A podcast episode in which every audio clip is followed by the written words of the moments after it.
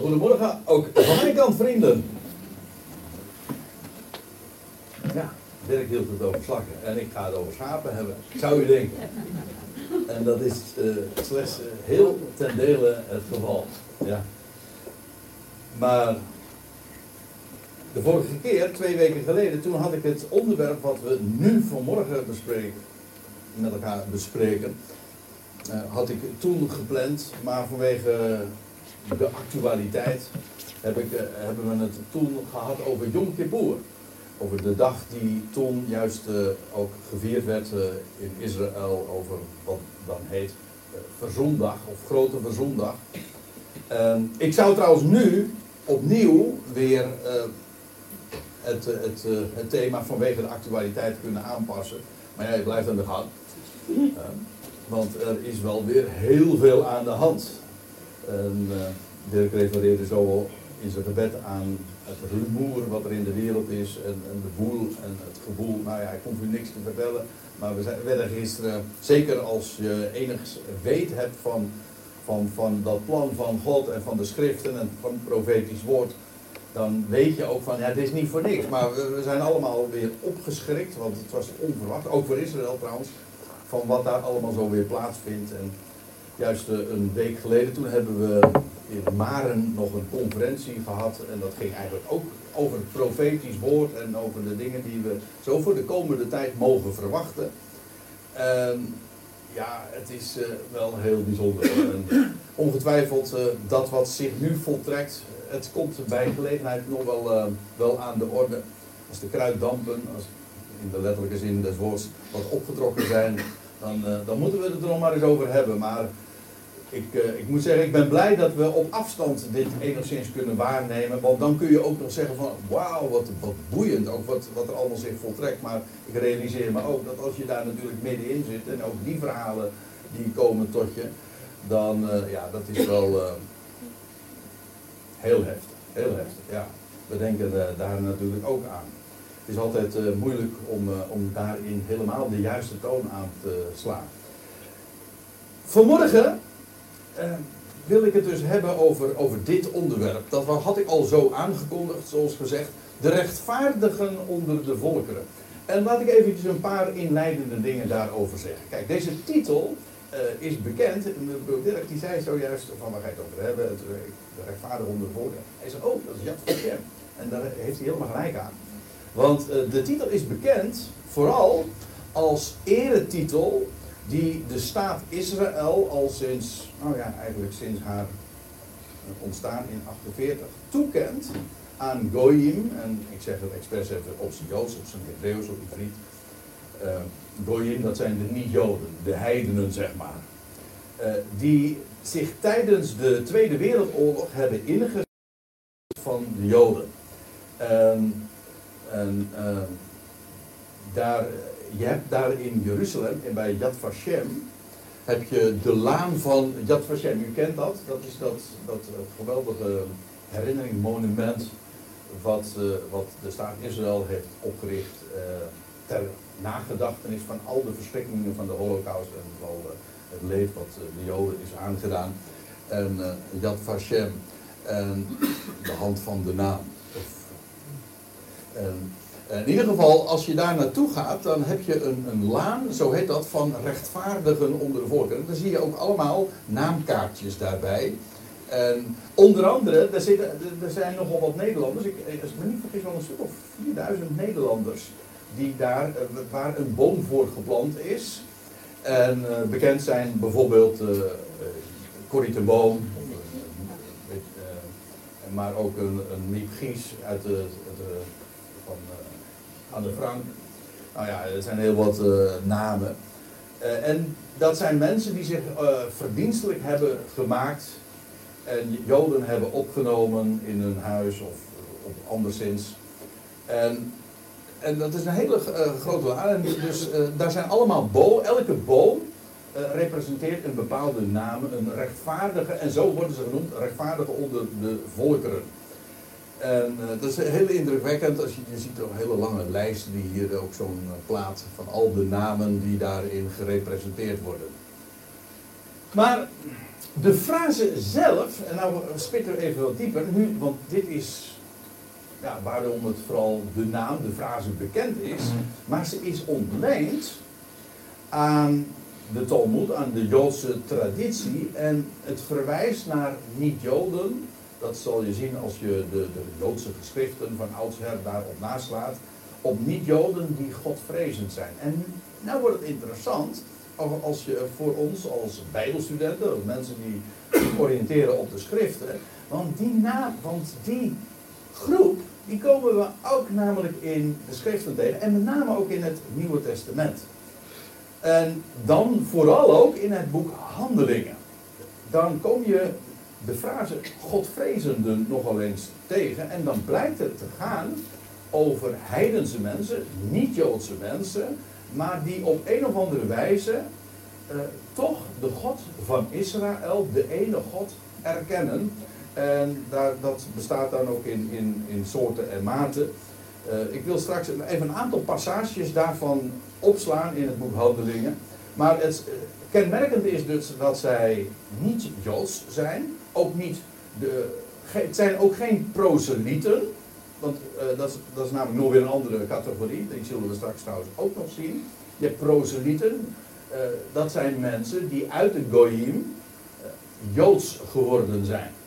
En die zich hebben laten, als mannen zich hebben laten besnijden. En zich eigenlijk ook opgenomen zijn in het Jodendom. Het Jodendom heeft eigenlijk daar een enorme ja, antipathie tegen, is misschien niet het juiste woord. Maar in ieder geval, ze ze ondersteunt dat streven bepaald niet. Als jij als, als gooi, zeg maar, het, uh, verlangen hebt om ook Joods te worden, dan zal je op alle mogelijke manieren ontmoedigd worden om ook toe te treden tot de synagoge. En dus uh, dat, dat moedigen ze bepaald niet aan. Dus ook daar zijn het, ook daar zijn weer uh, soorten en maten en, en allerlei stromingen binnen het Jodendom. Dus het ik veralgemeniseer het ongetwijfeld een klein beetje. Maar de proselieten, dat is weer een categorie apart. Dat zijn dus ook maar die zijn Joods geworden alsnog en worden dan ook, in, als, het, eh, als het proces dan toch helemaal voltrokken is, die worden dan voluit ook als Jood gerekend. En ik heb hier even de schriftplaatsen genoemd waar de, de nee pardon, de, de proselieten ook worden genoemd in het Nieuwe Testament. In Matthäus 23 is trouwens wel een aparte schriftplaats, want daar vind je precies het tegenovergestelde van wat ik nou net beschreef. Want dan worden fariseeën genoemd, of schriftgeleerden, of in ieder geval een Joodse groepen, die juist wel heel erg actief onder de natieën bezig waren om bekeerlingen te werven. En mensen die, om, zodat ze toetreden tot hun godsdienst. En de heer Jezus is niet mals in zijn oordeel daarover. Jullie reizen stad en land af, ik, zeg het nu, parafraseer het nu even, maar uh, om, om, een, uh, om, om een bekeerling te maken, een proseliet, want dat is het woord wat er eigenlijk dan gebruikt wordt. Hij zegt maar, in de praktijk, wat, wat, het resultaat is dat het een, een zoon van Gehenna is, een zoon van de hel, staat er dan in onze vertaling. Het is nog erger dan wat jullie zelf zijn. Dat, dat ik bedoel, dat is nou niet bepaald een vriendelijk oordeel wat dan daarover uitgesproken wordt. Maar, uh, oké, de rechtvaardigen onder de volkeren. Uh, in, de, in het boek Handelingen worden ze dus de, de genoemd. En ik wil een aantal voorbeelden daarvan geven, om te beginnen. Uh, dan lees je in Handelingen 10, dat is de beroep, misschien wel.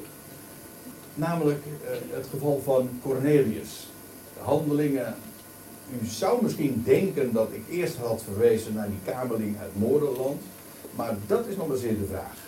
Die kamerling uit Moorland is of een proseliet ook geweest, of een Jood in de verstrooiing die gewoon uh, Israël bezocht. Hij was vertrouwd met de schriften en hij ging naar Jeruzalem om, om de God van Israël te aanbidden. Maar van, van, uh, van de man die we hier in handelingen 10 tegenkomen, weten we in ieder geval dat hij die, tot die groep hoort waar we het over hebben. Dat, ik lees het voor. Er was de Caesarea, dat ligt daar aan de kust, waar nu dus zo, uh, nou ja, vlakbij is dat net zeker eh, boven, ja dat ligt boven uh, Tel Aviv. Er was dus Caesarea iemand genaamd Cornelius en hij was een hoofdman van de zogenaamde Italiaanse afdeling. Dus het was gewoon een gooi. Maar staat er, een, in onze lees voor uit de NBG en soms corrigeer ik en dat geef ik dan aan door het eh, te, te cursiveren, door het schuin gedrukt weer te geven. Maar van hem lees je dan in de NBG-vertaling, het was een godvruchtig man, een vereerder van God. Letterlijk staat er, hij was eerbiedig. En meestal wordt het in onze vertaling dan weergegeven met uh, godsvrucht. Uh, maar dat, is een beetje, even terzijde, godsvrucht is een beetje een misleidend woord. Uh, waarom? Omdat wij bij Gods vrucht meteen denken aan vrucht dragen voor God of zo. Maar dat heeft niets mee te maken. Het woord vrucht heeft te maken met het, met met, met vrezen. God vrezend eigenlijk dus. Uh, eigenlijk staat er hier eerbiedig en vrezende de God. Uh, dat staat de. Hij vreesde, hij ontzag. Dat betekent ook niet in de eerste plaats bang zijn voor, maar hij vreesde. Uh, dat wil zeggen, hij had diep ontzag voor de God. Met op dat bepaalde lidwoord voor God. Zo wordt het meestal weergegeven hij niet alleen trouwens, maar met zijn hele huis. Hij, uh, hij bewees dat trouwens ook in sociaal opzicht, die vele aalmoezen aan het volk gaf. En hij bad geregeld tot God. En in hoeverre hij ook zich voegde bij de gebruik, wordt hier niet gezegd. Dat is ook wat helemaal niet uh, verlangd werd. Het, uh, wel, wat wel verlangd werd, voor een vreemdeling in de poorten. Want zo worden ze, zulke mensen dan feitelijk genoemd. Mensen die zeg maar zich wel onder het volk bevinden, die niet een Israëliet zijn, gewoon vanwege hun, hun afkomst, maar ze, dan lees je bijvoorbeeld in Exodus 20, vers 10, uh, een, een, aantal van u uh, kennen het gebruik maar al te goed, hè, dat de tien woorden worden voorgelezen in Exodus 20, ik ben de Heer uw God die u uit het huis Egypte geleid hebt. En dan staat er in verband met de, uh, de, het, het houden van de Shabbat, dan staat er van, dan zult gij geen werk doen. Gij, nog uw os, nog, nog de dan staat er, nog de vreemdeling die in uw poorten is. In feite was Cornelius zo iemand. Hij was een vreemdeling, dat wil zeggen niet-Jood. Hij hoorde daar niet, strikt genomen niet thuis in het land. Maar goed, hij, bevond zich daar wel. En hij werd dus ook in principe geacht zich in ieder geval te voegen naar de, de gebruik. Of in ieder geval, uh, ja, in ieder geval op de Shabbat uh, geen arbeid te, doen. Ja. Nou ja, daar is een heleboel over te doen. Het gaat dus in ieder geval niet over het eerbiedigen van de zondag.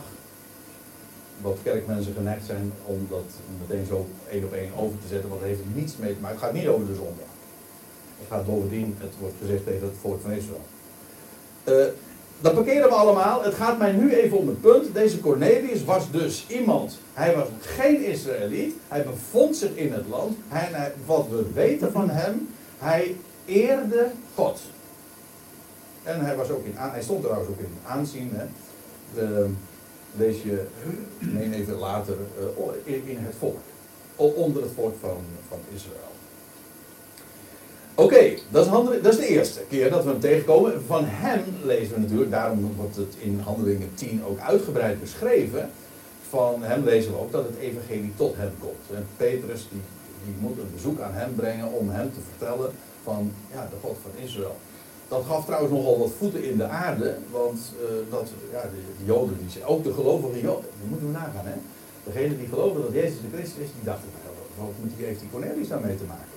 Het, moet toch naar Israël. Eerst is, zij geloofden ook wel dat, dat de natieën ook zouden horen, maar eerst moet Israël tot bekering komen. Dus uh, het was niet eens zo gemakkelijk om bij die Cornelius uh, ingang te vinden. Petrus heeft ook heel wat uh, uit de kast moeten halen, om zo te zeggen, om dat, dat wat hij gedaan heeft te verdedigen. Trouwens, het was niet op eigen initiatief. Hij wilde eigenlijk helemaal niet. Dat, dat, vertelt hij, dat vertelt hij in zijn verdediging ook. Hij zegt, ja, ik, ben ik heb het niet uit, eigen beweging gedaan. Hij zegt, ik, ik, heb van Gods wegen een droom gekregen. Dat, ja, ik, ik moest wel.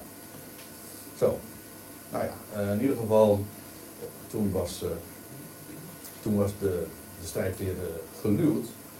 In elk geval, hij, was, hij werd gerekend, dat is duidelijk, ook als een vreemdeling onder de, in, de, in de poorten, binnen hun eigen gemeenschap.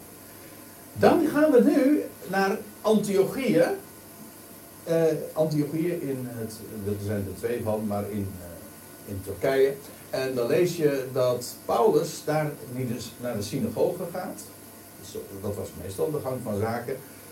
En met Barnabas, en dat was kennelijk een grote synagoge daar in Antiochië. En ja, wat Paulus dan doet, is uh, hij, hij, is daar een Jood op bezoek. Dat was een open podium, zo, zo was dat, zo, zo werkte dat in de Jodenkerk. Hè, daar kan iedereen zomaar wat zeggen. Maar in ieder geval, uh, Paulus die wordt uitgenodigd en hij, hij neemt het woord. En dan staat er in vers 16 van Handelingen 13. En Paulus stond op, hij wenkte met zijn hand en zei: Mannen van Israël. En daar komt het. En vereerders van God. Luister. En hier, hier wordt weer, hier wordt, letterlijk wordt hier weer gesproken over de vrezenden van de God. Of de Godvrezenden, had Peter gezegd. En hier weer zo.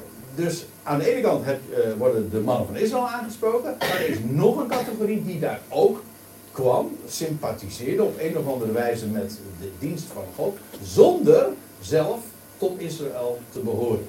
Vereerders van God. Uh, uh, en nog weer even later, tien versen verderop, dan lees je in datzelfde handelingen 13. Mannen broeders, zegt Paulus als hij van wal gestoken is, en dan gaat hij zijn conclusies trekken. En dan zegt hij, zonen van het geslacht van, van Abraham. Hier staat eigenlijk het, het ras van het geslacht, Geros. Eh, dat is het woord, daar zit ons woordje gen in. Dus de, degenen. Die, die, de, degenen dragen het DNA hebben van Abraham. Dat is eigenlijk wat er staat. Dus een, een wat wij dan noemen een, een ras of een, geslacht, zo wordt het hier vertaald. Zonen van het geslacht van Abraham. En, maar ook, er is nog een groep, en vereerders van God onder u. Tot ons is deze heilsboodschap gezonden. Nou ja, en, en dan gaat hij uh, nog verder, maar ook hier weer de, de Godvrezenden. En dan lees je nog weer eventjes verder in ditzelfde, ook nog steeds in Handelingen 13. En na het uitgaan van de synagogen volgden vele van de Joden en de vereerders van God die Jodengenoten waren.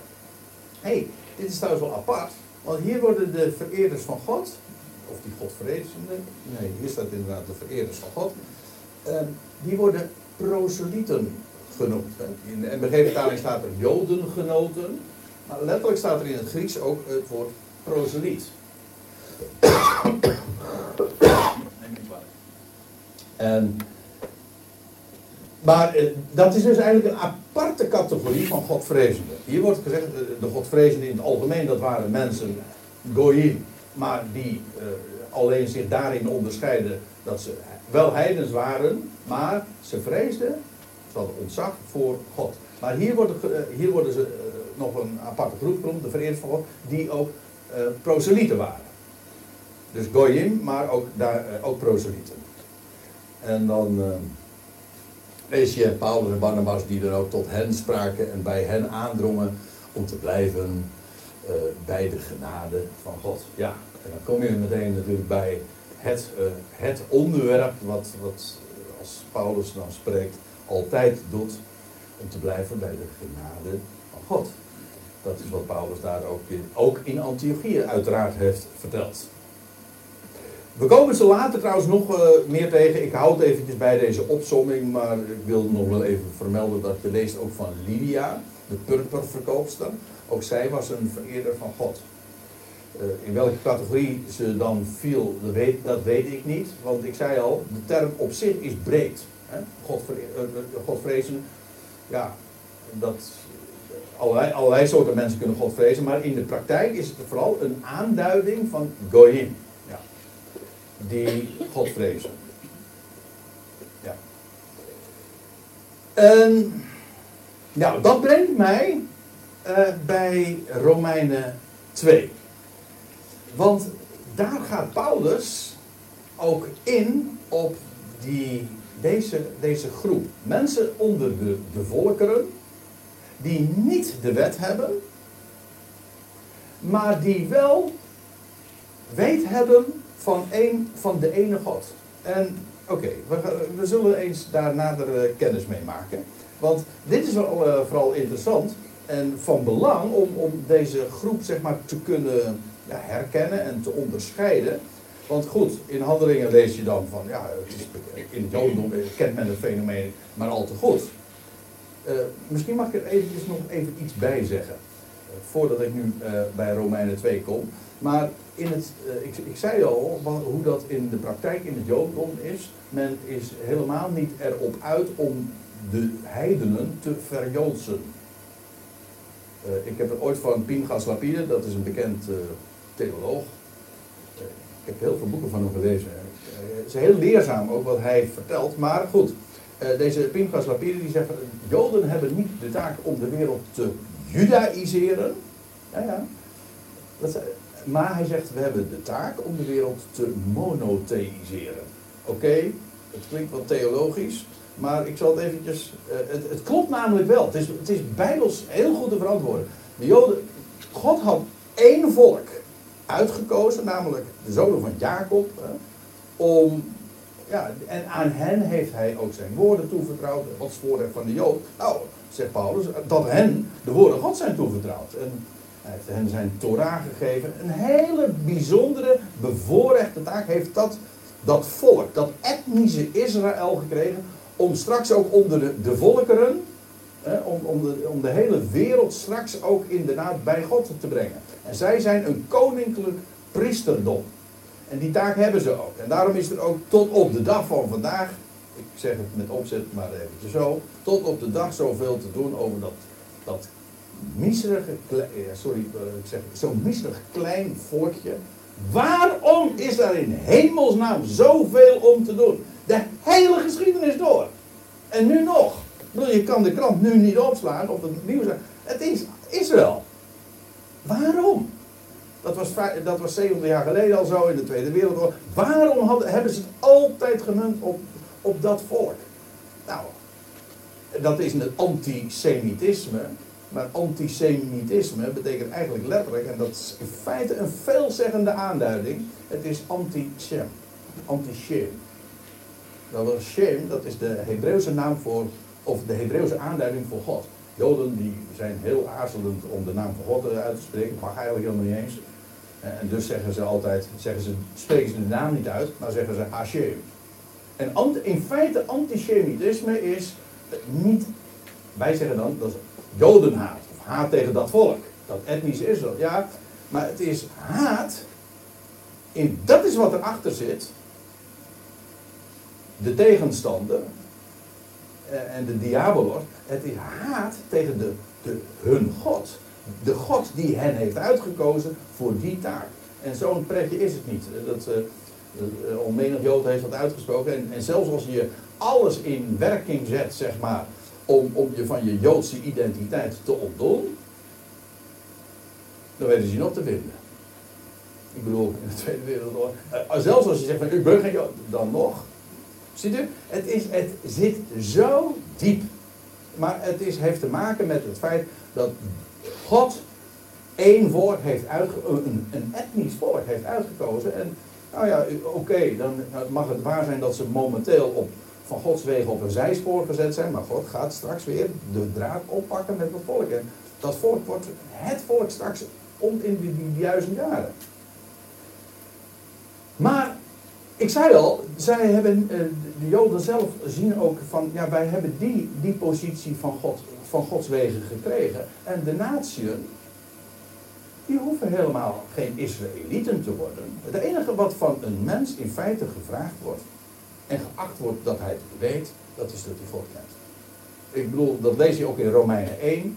Eh, wat van God niet gezien kan worden, zijn eeuwige kracht en goddelijkheid, wordt van de zedelijke schepping met het verstand doorzien. Zodat ze geen verontschuldiging hebben. Elk mens weet van die God. Kan weggeredeneerd worden. Op school doen ze, op scholen en universiteiten doen ze alles, zetten ze alles in het werk om het weg te redeneren. Maar elk mens weet het gewoon. Hij is er. En, en het, waar het maar om gaat is dat je hem kent en hem vertrouwt. In feite, als je hem vertrouwt, ben je ook een rechtvaardiger. God rekent geloof tot rechtvaardigheid. Als je God gelooft, en daarmee bedoel ik maar niet dat je een bekeerling bent of dat je in de kerk. Nee, ik, dat je God gelooft. En dan ga ik iets heel onaardigs zeggen. ik durf te zeggen dat een heleboel religie juist ontworpen is omdat men God niet gelooft. Men vertrouwt God niet. En daarom zeggen ze, eigenlijk is God niet te vertrouwen, want er hangt een doem van hel en, verdo eh, van, van, van hel en verdoemenis eigenlijk jou te wachten. En omdat die God eigenlijk niet te vertrouwen is, moet je eigenlijk uh, ja, door middel van zo'n zo boodschap, uh, dwing je mensen zich te bekeren. Maar zulke bekeerlingen, vertrouwen die God? Mijn insteek, en u mag het ermee oneens zijn, maar mijn insteek is, ze worden juist, ze zijn bekeerlingen, waarom? Omdat men God niet vertrouwt.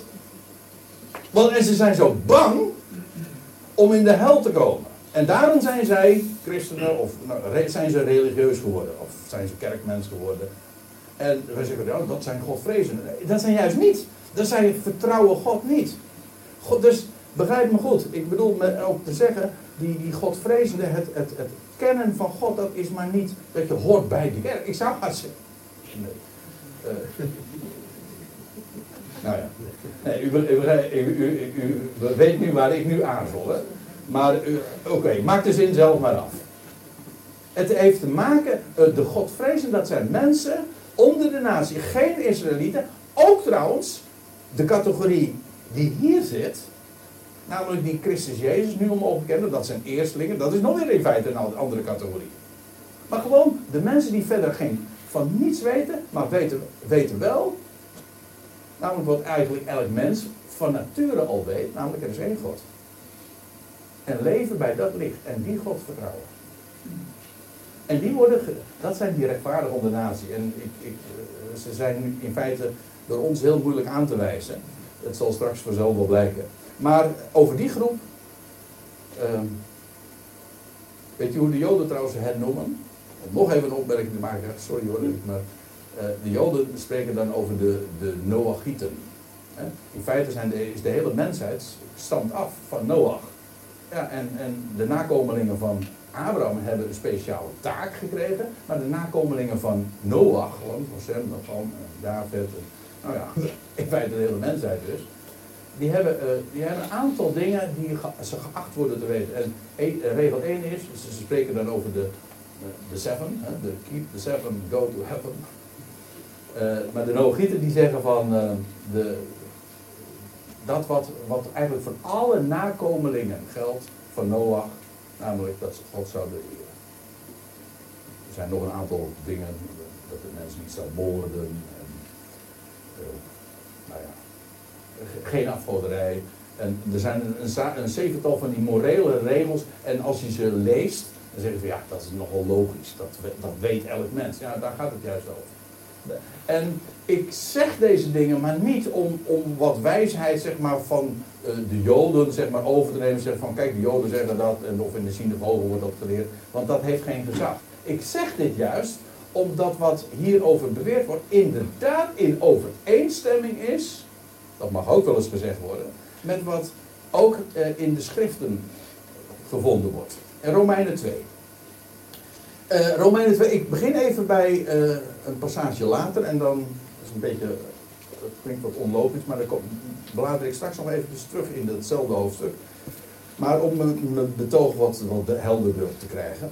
Uh, dan staat in Romeinen 2 vers 14. Wanneer toch heidenen, of letterlijk natieën, die de wet niet hebben, Nee, want de wet is aan het volk van Israël gegeven. Aan één specifieke groep en de rest van de mensen hebben die documenten niet. Nou, wanneer toch naties die de wet niet hebben van nature doen wat de wet gebiedt, dan zijn deze, zegt Paulus, of schoon zonder wet, zichzelf tot wet. Hij zegt dit dus met heel, heel positief, dat blijkt ook in het volgende vers. Maar zij doen van nature wat de wet gebiedt. Dus, dit is trouwens ook wel weer apart, want uh, ik, ja, ik heb van huis uit altijd geleerd, ik zeg weer iets onaardigs, maar uh, ik heb van huis uit geleerd van de mens van nature niet deugt. Maar hier lees je juist dat de mens die van nature doet wat de wet gebiedt. In de Bijbel is niet de natuur van de mens fout, maar juist het tegennatuurlijke. Dat is trouwens Romeinen 1. En dan lees je over, over, over mannen en vrouwen die de tegennatuurlijke omgang dan promoten. die niet ingegeven is door het DNA en door, het, door wat natuurlijk is en wat je eigenlijk dus eh, in je, je diepste vezels eigenlijk al weet. Want van nature, dat, heeft ook te maken met, uh, het, het, Griekse woord trouwens, is, uh, dat heeft met fusies te maken, met ons woord fysica. en dat is wat uitspruit. En in feite, het heeft, het heeft eigenlijk uh, inderdaad te maken met, ons, met, met het DNA. Zo, noemen wij dat dan. Wat uit de natuur voortkomt. En deze, de, er zijn dus onder de natieën mensen die weliswaar de wet niet hebben en daar ook geen weet van hebben, maar die weet hebben van de ene God. En die ook leven bij dat, misschien heel beperkte, licht. Ze hebben de schriften niet. Nee, maar ze hebben wel, uh, nou ja, zoals hier staat, wat de wet, eh, wat de wet gebiedt. En daarmee bedoel ik niet dat zij, uh, of daarmee bedoelt Paulus er niet op dat ze de Sabbat en dergelijke houden, want dat is juist wat, maar wel dat wat het onderwijs, het meest fundamentele onderwijs voor elk mensenkind, dat kennen ze. En, en dan, er, dan zijn deze, of gewoon zonder wet, gewoon omdat ze die documenten missen, dat weten zij helemaal niet. Maar ze, zij weten dat, dus eh, ze zijn daarmee zichzelf tot wet. Immers, zij tonen dat het werk van de wet in hun, harten, in hun hart geschreven is. Hoe komt het daar dan? Nou, dat, Paulus zegt, dat is van nature. En daarmee is dus inderdaad ook bewezen uh, dat, er men, dat de mens gewoon in het algemeen weet heeft van God. Dat is, maar dat is Romeinen 1 al. En in feite wat Paulus in Romeinen 2 op, hierop voortbeduurt, er zijn mensen die bij dat licht wandelen.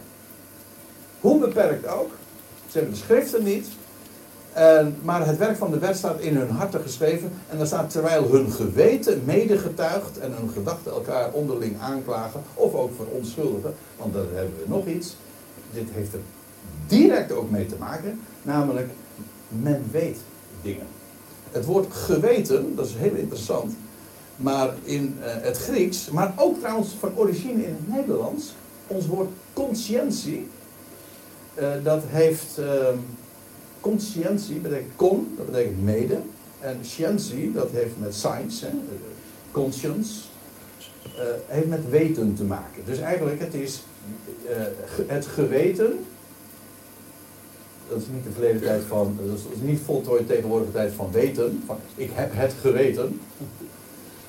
Nee, het, het is het medeweten. En mede met wie dan? Nou, mede met God. Dat is de essentie. God weet dingen, uiteraard. En hij heeft kennis. Ik heb het ooit van. Nou, zeg ik iets aardigs. Uh, over, uh, over de, mijn. Ik heb het ooit op consagratie al geleerd. De mens heeft ingeschapen godskennis. Nou, dat is waar eigenlijk, en dat is dat geweten. Dat wil zeggen, hij weet dingen. Eh, een mens weet ook bijvoorbeeld, heeft moreel besef van goed en kwaad. Elk mens weet dat als ik, eh, om maar wat te noemen, dat als ik iets van jou afpak, eh, dan, dan schend je het, het weten. Dat, dat doe je niet je wordt daarmee aangeklaagd. Dat hoef je niet te verdelen, dat weten we allemaal. Dat, zijn, dat hoef je niet eens af te spreken. Dat, is, dat heeft te maken met het weten van ja, dat ingeschapen is. En die, dat die wetenschap die in elk mens uh, is. Dat, die kun je, dat geweten kan uh, besmet zijn. Dat lees je ook in de, in de brieven. Uh, dat geweten kan zelfs dichtgeschroeid zijn. Dat kan ook.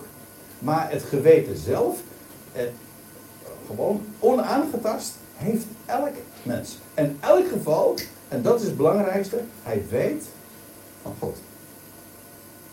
Hij is Hij is er. En elk mens weet, uh, dat, zegt, dat vind ik ook zo mooi in, in Romeinen 1. Je hoeft helemaal niet uh, jou verteld te zijn van, van een schepper. Maar je weet gewoon, kijk, wat Dirk vertelde over, over zo'n slag. Je, ziet zoiets. Dan zeg je, wauw, wat, is dat, wat zit dat ingenieus in elkaar. wat een design.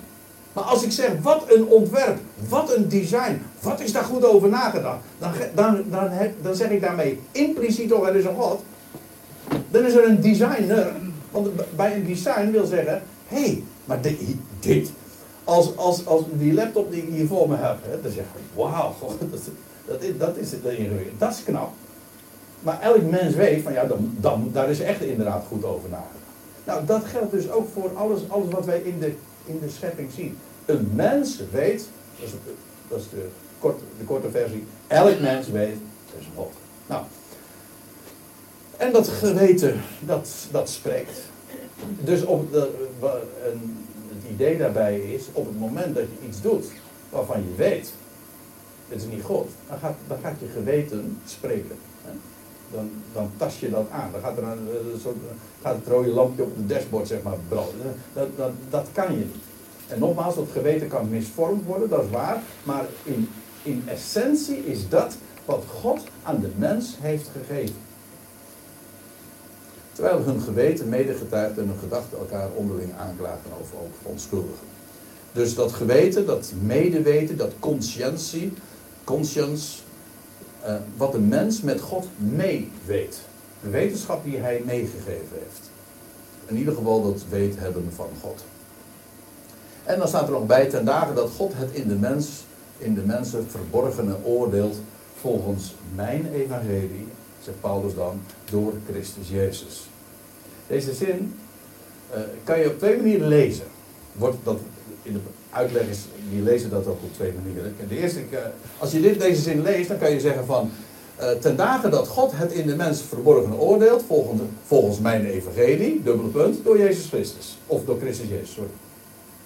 Zo kun je het lezen, hè. Dus dat volgens mijn evangelie uh, betekent dan van, nou, hij gaat dat, God gaat dat verborgen aan oordelen. Door wie? Door Christus Jezus. En dat klopt. God heeft een man aangesteld, zegt Paulus in Handelingen 17, door, door wie hij de wereld rechtvaardig zal richten. En hij heeft heel het oordeel, zegt Johannes 5, overgegeven aan de zoon. Dus dat op zich, die uitleg klopt helemaal.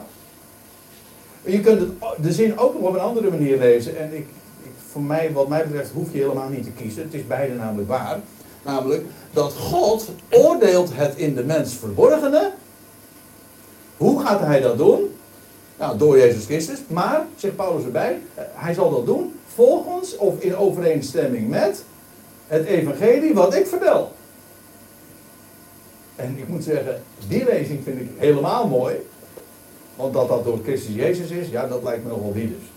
Maar hoe gaat God oordelen? God gaat oordelen, en dat vind ik het geweldig. Hè? Eh, God, God gaat de dingen recht zetten. Ik, het, mooiste van, het van, ja, van die hele waarheid. Een heleboel mensen, zo is het natuurlijk van huis, uit ook aan ons verteld. Uh, traditioneel, religieus. Ja, wacht, er komt een oordeel van God. En dan komt die hel en verdoemenis meteen weer bij. Maar weet u dat het, het, het feit dat God oordeelt, het feit dat God richt, dat is evangelie. Weet u wat dat betekent namelijk? Die rechtzetting is maar niet alleen een rechtzetting, het is een recht. Uh, pardon, uh, nee, ik zeg het verkeerd. Het is niet alleen een rechtzitting. Omgekeerd. Het is niet alleen een rechtzitting straks. Nee, het is een rechtzetting. Hij gaat de dingen rechtzetten, ook terecht brengen. En dat is een pijnlijk proces, dat ontken ik niet. Want als de waarheid aan het licht komt, reken maar dat er dan ook. Uh, ja, dan, dan, gebeurt er heel veel. Hè. Dat kan heel pijnlijk zijn. Dat is waar. Maar God gaat alles rechtzetten. En, en, en juist waarom gaat God dat doen? Wel, omdat hij alles terecht wil brengen. Dus dat is een, het is een deel of een onderdeel en een essentiële stap om de wereld te redden en te verzoenen. Dus het, dat, het wordt meestal zo gezegd van ja, maar ja, hier, hè, hier wordt dat, deze groep wordt ervan beschuldigd of ik word ervan beschuldigd. Of de, boodschap die hier wordt uitgedragen, die we geloven, uh, krijgt dan het stempel, oh dat is onverzoening en jullie denken maar zo makkelijk, jullie redeneren het oordeel van God weg. Denk ik van, je, je weet niet waar je het over hebt. God zet recht. En hoe pijnlijk dat is, dat mag allemaal waar zijn, maar het doel is, en dat is dat evangelie dat Paulus onder de natie mag uitdragen, het doel is dat hij alles gaat redden. En daarom zet hij het recht. Dat doet hij, dat doet hij niet om zijn gram te halen, dat doet hij omdat hij zijn creaties lief heeft. Hij laat niet varen de werken van zijn handen, maar voordat hij de wereld verzond, moet hij eerst wel dingen rechtzetten. En dat is dus evangelie. Dus ja, ik, ik vind het zo geweldig om dat te weten. Dat, dat besef van dat rechtvaardig oordeel van God. En dat hij straks het verborgene gaat oordelen. En een heleboel dingen over die, als we het hebben over de vraag van die rechtvaardig onder de volkeren, wie zijn dat? Ja, uh, dat zal straks vanzelf wel blijken hoor. Maar ze zijn er. Er zijn, ik bedoel, uh, daar, is, daar, daar zijn de Israëlieten. Daar zijn de, daar zijn de zonen van Jacob met wie God een weg gaat. Daar zijn de gelovigen vandaag die, die het evangelie verstaan en voor wie de ogen daarvoor geopend zijn. Ja, maar daar zijn ook nog eh, de rechtvaardigen onder de natie. Eh, een, een, nog bredere categorie. Ehm, ik ga nog eventjes, even hoor. Naar, weer naar Romeinen 2. En nou, ik zei al, ik ga even een paar versen terug en ik kom dan in vers 5 aan. En dan zegt Paulus dit. Naar uw hardheid en onbezonnen hart hoopt gij uw toorn op. En nou moet ik er even iets bij zeggen. Hij heeft het hier over degene, kijk het maar na in vers, oh, dat had ik er even bij moeten zetten, in, uh, in vers 1 van dit hoofdstuk.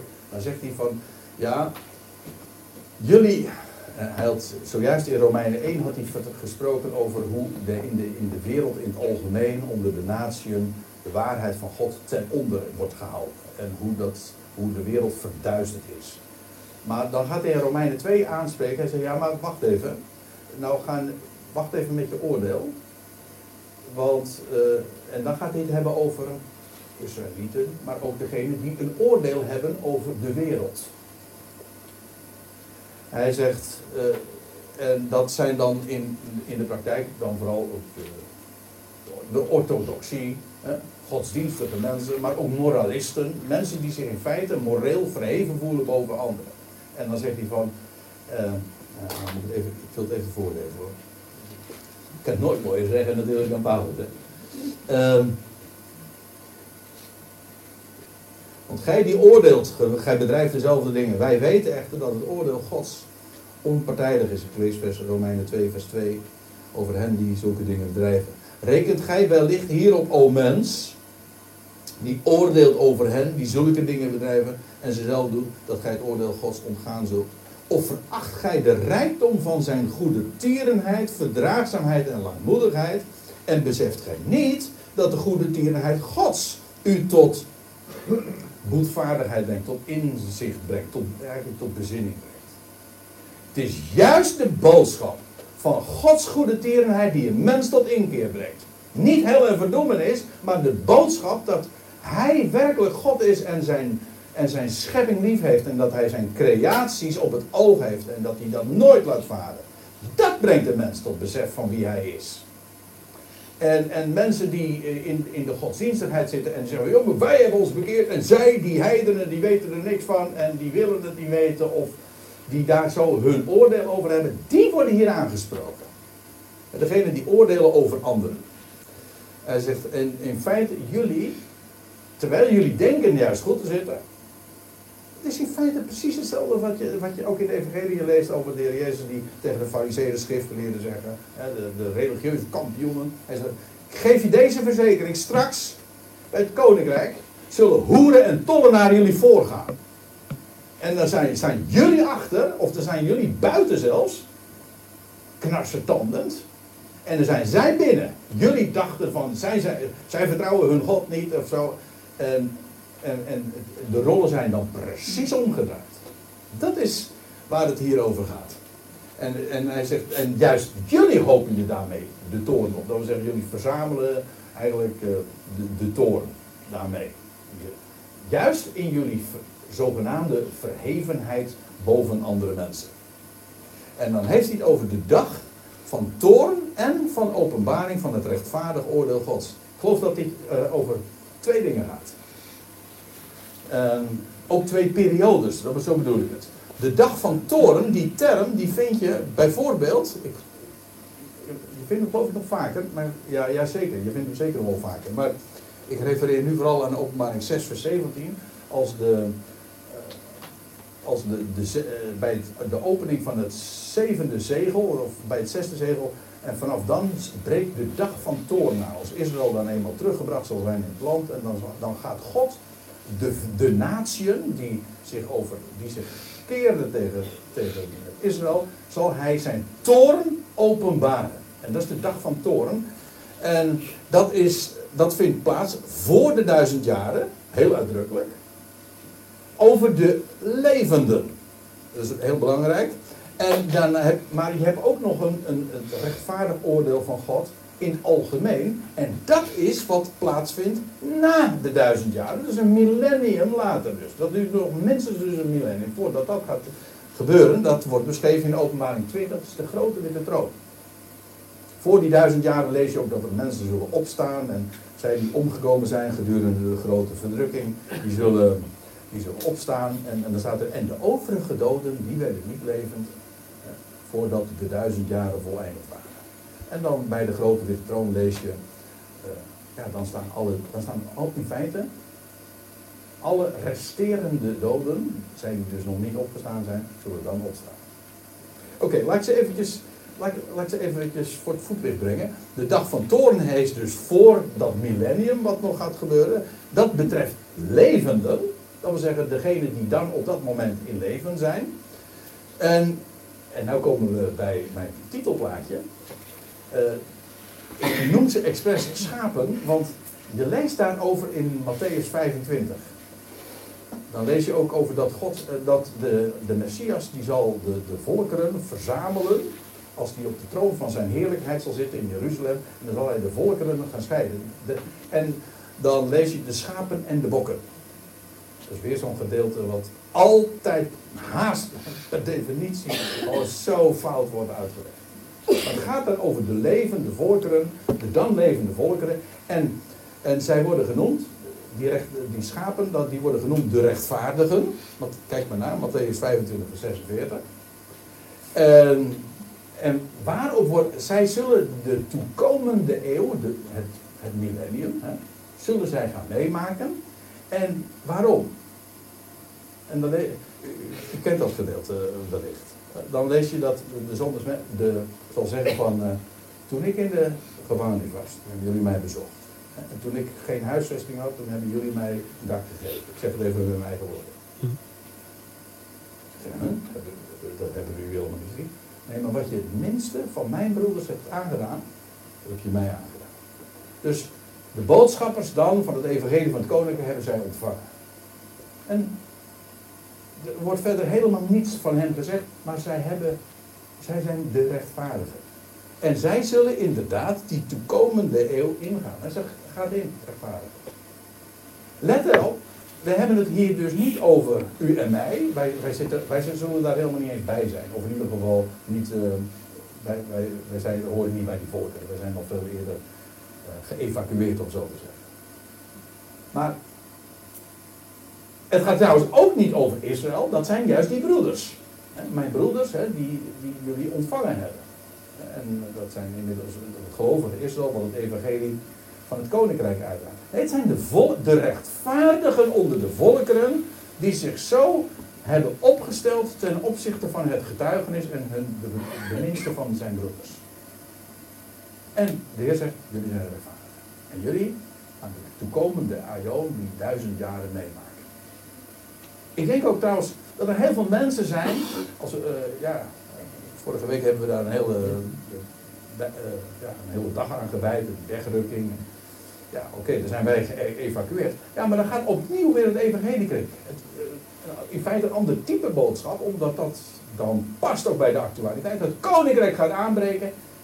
En dan zullen er velen alsnog die boodschap gaan horen en, en daar sympathie voor hebben en, en dat accepteren. Hoeveel weet ik niet. Ik heb geen idee, ik weet echt niet. Maar ze zijn er. En daar gaat, uh, daar gaat uh, Matthäus 25 over. Er zijn, er zijn schapen en er zijn ook bokken. Die dat zijn de onwilligen, dat weet je. Oké. Maar ik bedoel maar te zeggen, uh, ja, wie zullen die toekomende eeuw binnengaan? Dat zijn de rechtvaardigen. En dat is een hele categorie apart. Dat is dus niet Israël, dat is ook niet de gemeente, maar dat is een, weer een categorie apart. Ook zij beërven de toekomende eeuw. En nou gaan we eventjes duizend jaar verder. Wij doen niet moeilijk, hè. Wij gaan niet met de slakken gaan met je. Nee, nee. Uh, we, we, we, skippen even de duizend jaren. En wat lees je dan? Wat er na die duizend jaren gebeurt. Ik neem dat heel letterlijk. Dan zullen we, en daar staat erbij, en ik zag een grote witte troon. En, dan staat en, al, en de doden die staan daar.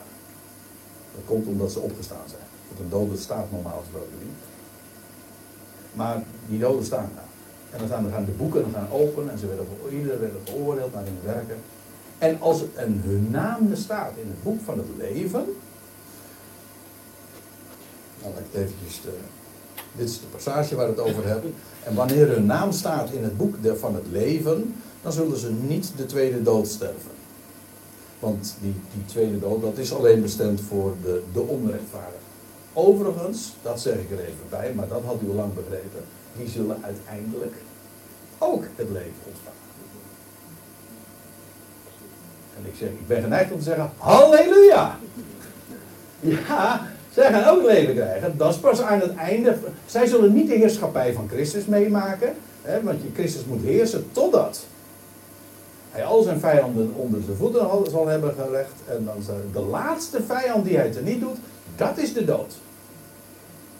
En, als, en, en ja, wat betekent dat? Nou, degenen die dan nog dood zijn aan het einde van zijn heerschappij, dat is de, zij, zij die in de tweede dood zijn geworpen, ja, of voor de tweede keer gestorven zijn, die zullen dan ook levend gemaakt worden.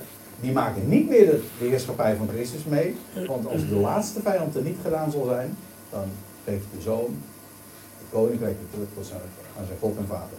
En dan wordt God alles in allen. Maar hier zullen dus velen uh, staan. En dan, maar ook dan lees je van er zijn mensen. Uh, ja, als hun naam niet staat in het boek van het leven, dan zullen ze de, die aion die daarop volgt niet meemaken. Nee, in de tweede dood zijn. Want uh, hun naam staat niet in het boek des levens. En dat is heel interessant. Ik weet dat er een, ik ken de verklaring die zegt van ja, het boek des levens, daar staan alle Israëlieten in. Maar daar geloof ik niks, daar geloof ik niks van. Uh, ja, dat klinkt ook wel uh, arrogant, maar. En die, uh, die reputatie die heb ik toch al zo. Nou, ik bedoel dit. Uh, dat boek, daar, lees, daar, lees je dit over in Psalm 69. Dat vind ik wel heel erg boeiend. Daar staat er, laat, uh, dan, ja, dat is dan de, de psalm, ik geloof dat David is. Dat, hè? Is David? Uh, laten zij, en dan er, laten zij uit het boek des levens worden uitgedelgd. En met de, rechtvaardigen niet worden opgeschreven. Het idee is, uit dat boek des levens worden de onrechtvaardigen ja, uitgegund, zeg maar. Ehm, en hier blijkt ook dat degenen die in het boek des levens zijn, dat zijn juist dus de rechtvaardigen. Die blijven daar in ieder geval in over en de rest uh, wordt er uitgestraft. En bij de grote witte troon gaat some way, somehow, ik weet niet, ook niet hoe het in zijn werk gaat, maar zo wordt het in het kort beschreven. Bij de grote witte troon, dan wordt alles rechtgezet, maar dan zal ook blijken wie in het, wie, van wie de naam staat in het boek van het leven. Dat zijn de rechtvaardigen. En die vind ik interessant, want dat zijn de doden die dus niet de duizend jaar hebben meegemaakt. Dat zijn al die mensen die op een. Het zijn dus. Om, om, het zijn niet u en ik. Wij, staan daar, wij, zijn, wij zijn sowieso niet, wij, ik bedoel, wij die vandaag mogen geloven, wij staan niet voor die grote religie. En de gelovige Israëlieten zullen daar ook niet staan. Dus wie blijven dan ook? Nou, dat zijn de rechtvaardigen onder de natie. Dat zijn zij die God kennen en vertrouwen en vrezen. En dan, dat zal dan blijken. En ja, veld, geen oordeel voor de tijd, hè, zegt Paulus. Uh, want uh, dat is een vooroordeel. Op, op het moment dat, ik een dat je een oordeel gaat uitspreken over iets wat je nog niet weet, ja, dan dat is een vooroordeel. En dat geldt nu ook. Dus dat is de, de terughoudendheid waarmee ik het onderwerp benader. Ik, ik kan ze niet aanwijzen. Dat zal straks blijken. Ik wil alleen aangeven, er zijn rechtvaardigen onder de natie. Er zijn mensen die God aanmerkt als rechtvaardigen. Bij het beetje wat zij weten, en meer kennis hebben ze niet opgedaan, of hun ogen zijn daar niet voor geopend, maar ze kennen God. En ze vertrouwen. En zij, hun naam staat in het boek des levens. En zij zullen dan ook inderdaad uh, die nieuwe aarde beleven. En, en, die heerschappij ook van de zoon van, meemaken. Dus ja, uh, dat is een groep van mensen. Eigenlijk, ik kan me niet herinneren dat ik daar al te vaak aandacht aan heb gegeven in deze samenkomsten. Maar ik vind ze toch het vermelden waard om daar aan, aan, te denken. Aan deze rechtvaardige onder de natie, die God weet te vinden. En die straks, straks, bij de aanvang van het Messiaanse Rijk, zal, ja, zal duidelijk worden, de levenden. Maar ook daarna. God weet ze te vinden. En hij zal een ieder, ieder, elke ziel, eerst de Jood en ook de Griek, vergelden naar zijn werken. En het gaat hier niet over wetswerken, hè? gaat hier niet over verdiensten, maar gewoon mensen die geleefd hebben bij het licht wat ze hadden in vertrouwen. Hun die met verduren het goede werken, zullen heerlijkheid, eer, uh, pardon, het goede werken en heerlijkheid, eer en onvergankelijkheid zoeken. En zij zullen het eeuwige leven uh, inderdaad ontvangen. En dat is dus het leven van de toekomende Aion, of de Aion die daarop volgt. Dus de rechtvaardige levenden zullen voor de duizend jaren eh, de, dat millennium ingaan. Ik denk dat, laat, ik het even heel concreet maken. Ik denk dat, of dat komt er dus op neer. Als we inderdaad binnenkort dat millennium gaat aanvangen, dat betekent dus dat er velen zijn die nu op aarde leven, die straks dus die ja, dat millennium zullen ingaan en die aion zullen beërven. En dan hebben we het dus niet over de gemeente, de Ecclesia. En het ook niet over Israël. Nee, maar hebben we het dus over de mensen uit de volkeren. De schapen, zal ik maar zeggen. En die inderdaad dat gaan meemaken. Dat betekent dus dat er velen zijn in de wereld die uh, die aion gaan meemaken. Terwijl uh, wij ze zouden, iedereen zouden aanwijzen als gelovigen. En in, het zijn ook geen gelovigen die het evangelie kennen zoals wij. Apart hè? Nou ja, ik geef het in ieder geval uh, zo ter overweging. Uh, dat zijn dus de levenden die bij die gelegenheid dan uh, inderdaad zullen meemaken.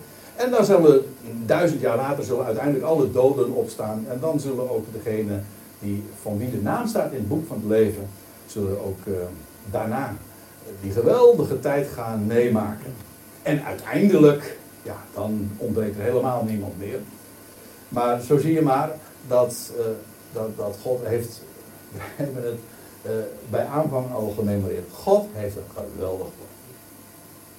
En we hebben de schriften, wij leven bij het licht daarvan. Wij mogen dingen nu zien en overwegen die uh, een ander mens dat niet gegeven zijn. Ja, dat is een voorrecht.